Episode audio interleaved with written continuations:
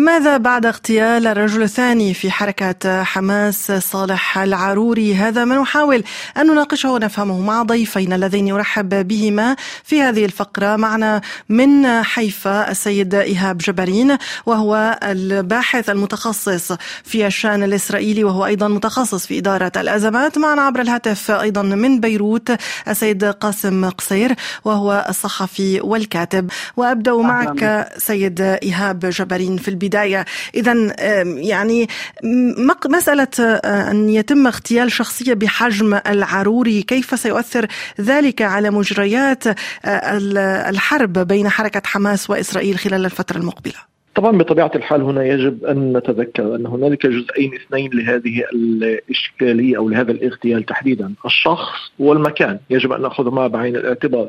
تحديدا عندما نتحدث عن صالح العروري فهو القيادي في داخل الضفة الغربية.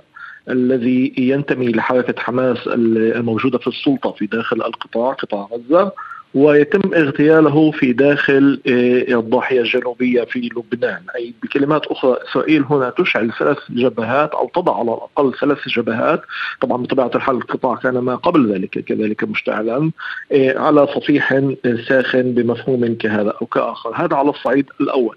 لكن إذا كنا نتحدث كذلك بكل ما يخص المكان هنا يجب أن نتذكر أن إسرائيل متوغلة بريا في القطاع منذ ما يقارب التسعون يوم 88 يوم تقريبا.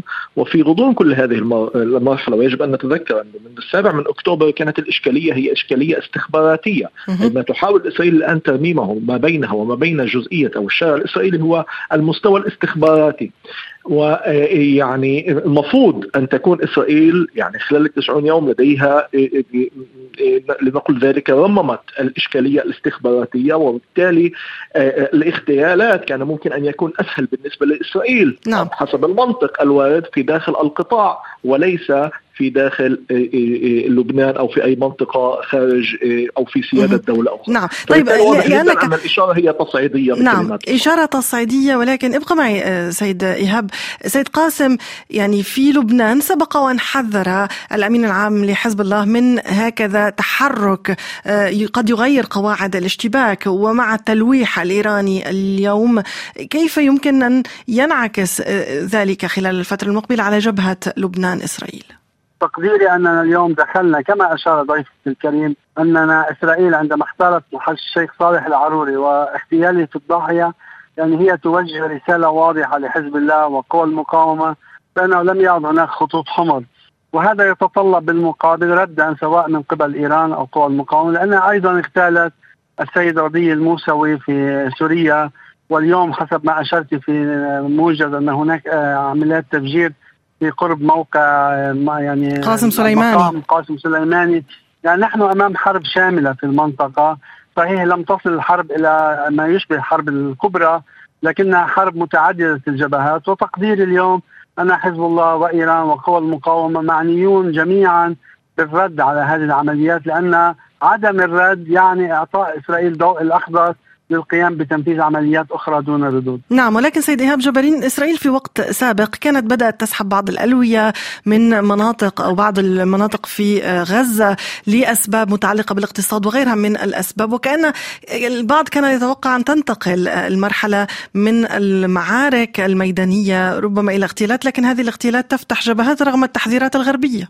صحيح جدا. يجب أن نتذكر في المقام الأول أن البلبلة أو عدم الاتفاق على الأهداف الموجودة في داخل الكابينت لم تختفي حتى في ظل الاغتيال الذي كان. هذا بالمقام الأول الذي يجب أن ناخذه بعين الاعتبار. وبالتالي حتى وإن كان هنالك ضوء اخضر من داخل خرج من داخل الكابينت لعملية الاغتيال هذه كلا الطرفين المستوى العسكري والامني في داخل الكابينت والمستوى السياسي كلاهما كان يأملان بأن تأخذ هذه هذا التصعيد يأخذ شكلا مغايرا. على المستوى العسكري الأمني إسرائيل تبحث عن تصعيد يكون ما بعده تهدئة، تصعيد أي هي تعلم أنها قادمة على تصعيد معين لكنها تؤمن بقدرات الولايات المتحدة وتدخل الولايات المتحدة الدبلوماسية التي من شأنها كذلك أن يكون هنالك نوع من الردع كذلك لدى الطرف الآخر هذا ما تأمله بطبيعة الحال. وبالتالي يكون ما بعد موجة تصعيد معينة قد تستغرق عدة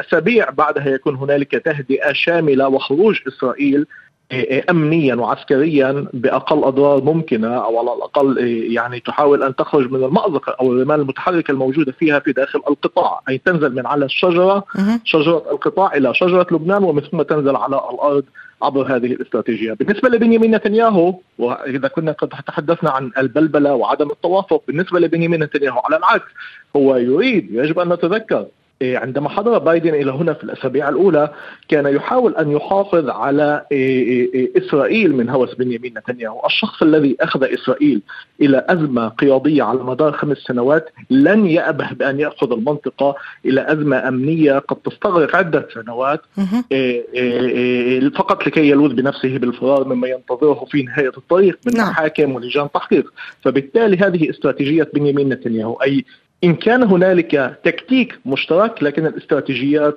مختلفة. سيد قاسم قصير هنا عندما يعني كنا نتحدث خلال الفترة الماضية منذ أكتوبر هناك كثر كانوا يجتمعون على فكرة أن لا أحد يريد انفجار الجبهات المنطقة في الشرق الأوسط لا سيما مع الهجوم والعمليات المختلفة التي تطال قوات أمريكية في المنطقة إن كان في العراق في سوريا أو في البحر الأحمر. فبالتالي اليوم هل ما زال هذا الأمر موجود؟ أن لا حزب الله الله ولا إيران ولا الولايات المتحدة الأمريكية تريد لهذه الجبهة أن تنفجر. يعني يمكن إسرائيل ونتنياهو يريد انفجار الجبهة الشمالية للتعويض عن الهزيمة التي تعرض لها في قطاع غزة بسبب الفشل في تحقيق أي هدف ولجر أمريكا إلى حرب واسعة مع إيران والقوى الأخرى. بالمقابل حتى الآن يعني إيران وحزب الله رغم أنهم يسعيان لتوسعة الجبهات وزيادة مستوى العمليات في مواجهة إسرائيل لكنهم لا يذهبان حتى الآن إلى حرب شاملة لاعتبارات متعددة لكل بلد له خصوصية معينة. من هنا كان تصعيد العمليات على تركيا الفترة الماضية ضمن ضوابط معينة. لكن أنا برأيي يعني حتى هذه المسألة قد لا تبقى آه، صامدة في حال استمرت إسرائيل بهذا الحجم من الاعتداءات. هلا شكل الذهاب إلى الحرب الشاملة قد لا يكون بالشكل التقليدي يعني الذي اعتدنا عليه لكن قد نذهب إلى نوع جديد من العمليات التي تستهدف إسرائيل وتوقع الألم أو الوجع داخل الكيان الصهيوني في مقابل ما تتعرض له قوى المقاومة نعم. لكن أنا تقديري أنه حتى موضوع الجبهة الشاملة يعني يجب علينا دائما أن نضعه بالحسبان لأن إسرائيل آه، تضغط بشكل يعني حرب إذا حافت يعني حافت الهاوية في حربها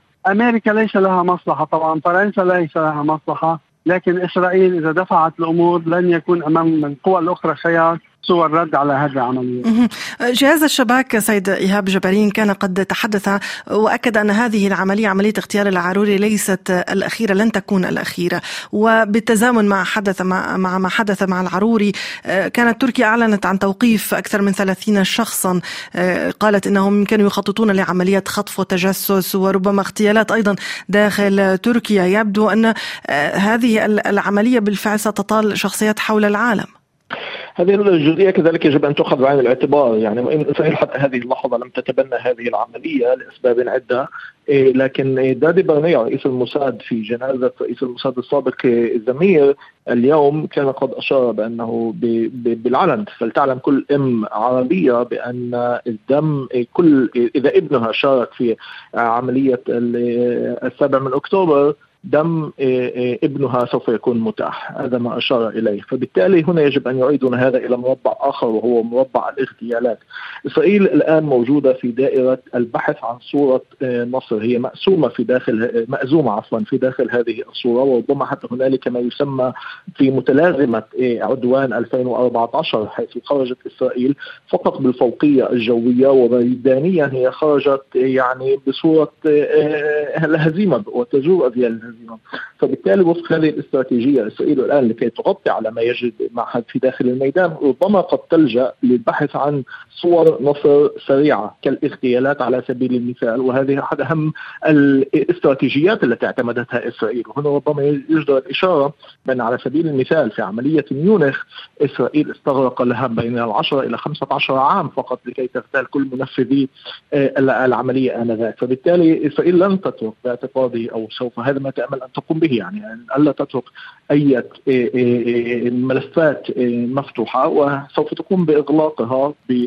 وفق استراتيجيتها بكلمات أخرى حتى وإن لم تستمر الاغتيالات الآن للذهاب إلى تصعيد وكذلك يجب أن نتذكر أن هنالك كل إشكالية ذوي الأسرى والضغوطات في داخل الشارع الإسرائيلي من هذا المضمار ربما قد تخفف من وطأة الاغتيالات. لكن باعتقادي سوف تتابع ذلك على المدى الطويل. سيد قاسم قصير الرد سيكون متناسب مع آه، هذا الحرج أيضا وهذا الانتهاك للسيادة اللبنانية. يعني صحيح معك حق يعني طبعا صعيد الموقف الرسمي الحكومة اللبنانية رئيس الحكومة اللبنانية اعتبر أن ما جرى انتهاك للسيادة اللبنانية وسيتوجه إلى مجلس الأمن للشكوى وطالب بمنع إسرائيل لجر المنطقة إلى حرب شاملة لكن تقديري أن الخيار الوحيد هو الرد آه، الميداني. لأن إسرائيل يعني كما أشار ضيفك إذا ذهبت واستمرت بعمليات الاغتيال خصوصا في لبنان هذه العمليات لا يمكن أن تتوقف إلا إذا شعرت إسرائيل بأن الثمن المقابل كذلك سيكون باهظا. نحن أمام معادلات دقيقة جدا. نعم. آه، حزب الله يتصرف بالجمع ما بين إبقاء قدرته على الرد الإسرائيلي وبين عدم الذهاب إلى حرب شاملة في المنطقة. بالمقابل إيران لديها تحديات كبرى، قوى المقاومة لديها تحديات، أنا تقديري يعني أن وحدة الساحات صعبة في ظل هذه المعطيات. آه لا أنا برأيي اليوم أنا كنت أريد أن اضيف أن اليوم إسرائيل هي تفرض على قوى المقاومة التوحد الميداني أكثر لكي يكون الرد متناسقا ما بين الجميع لأنه طبعا كلنا يعلم انما عندما أطلقت حماس معركة طوفان الأقصى آه، أخذتها بقرار خاص منها دون تحضير مسبق. اليوم الجميع أصبح هو معنيا بهذه المعركة، أنا تقديري سنكون أمام عمليات رد متكاملة من قبل قوى المقاومة، لكن حتى الآن هناك حرص على عدم الذهاب إلى حرب شاملة، مع الخوف من أنه في أي لحظة يمكن الانزلاق إليها. إسرائيل تواجه كما أشار ضيفك إلى مأزق بأنها لم تحقق انتصار واضح وحاسم في غزة ستلجأ إلى عمليات الاغتيال في كل المناطق المعنية بالصراع حتى تقول أنني انتقمت أو ثأرت لما حصل في طوفان الأقصى لذلك نعم. بالمقابل القوى الأخرى معنية بالرد والأخذ بالاعتبار هذا المتغير الجديد في الصراع. شكرا لك سيد قاسم قصير الكاتب والصحفي اللبناني أشكرك سيد إيهاب جبرين الخبير في الشان الإسرائيلي والمتخصص في إدارة الأزمات.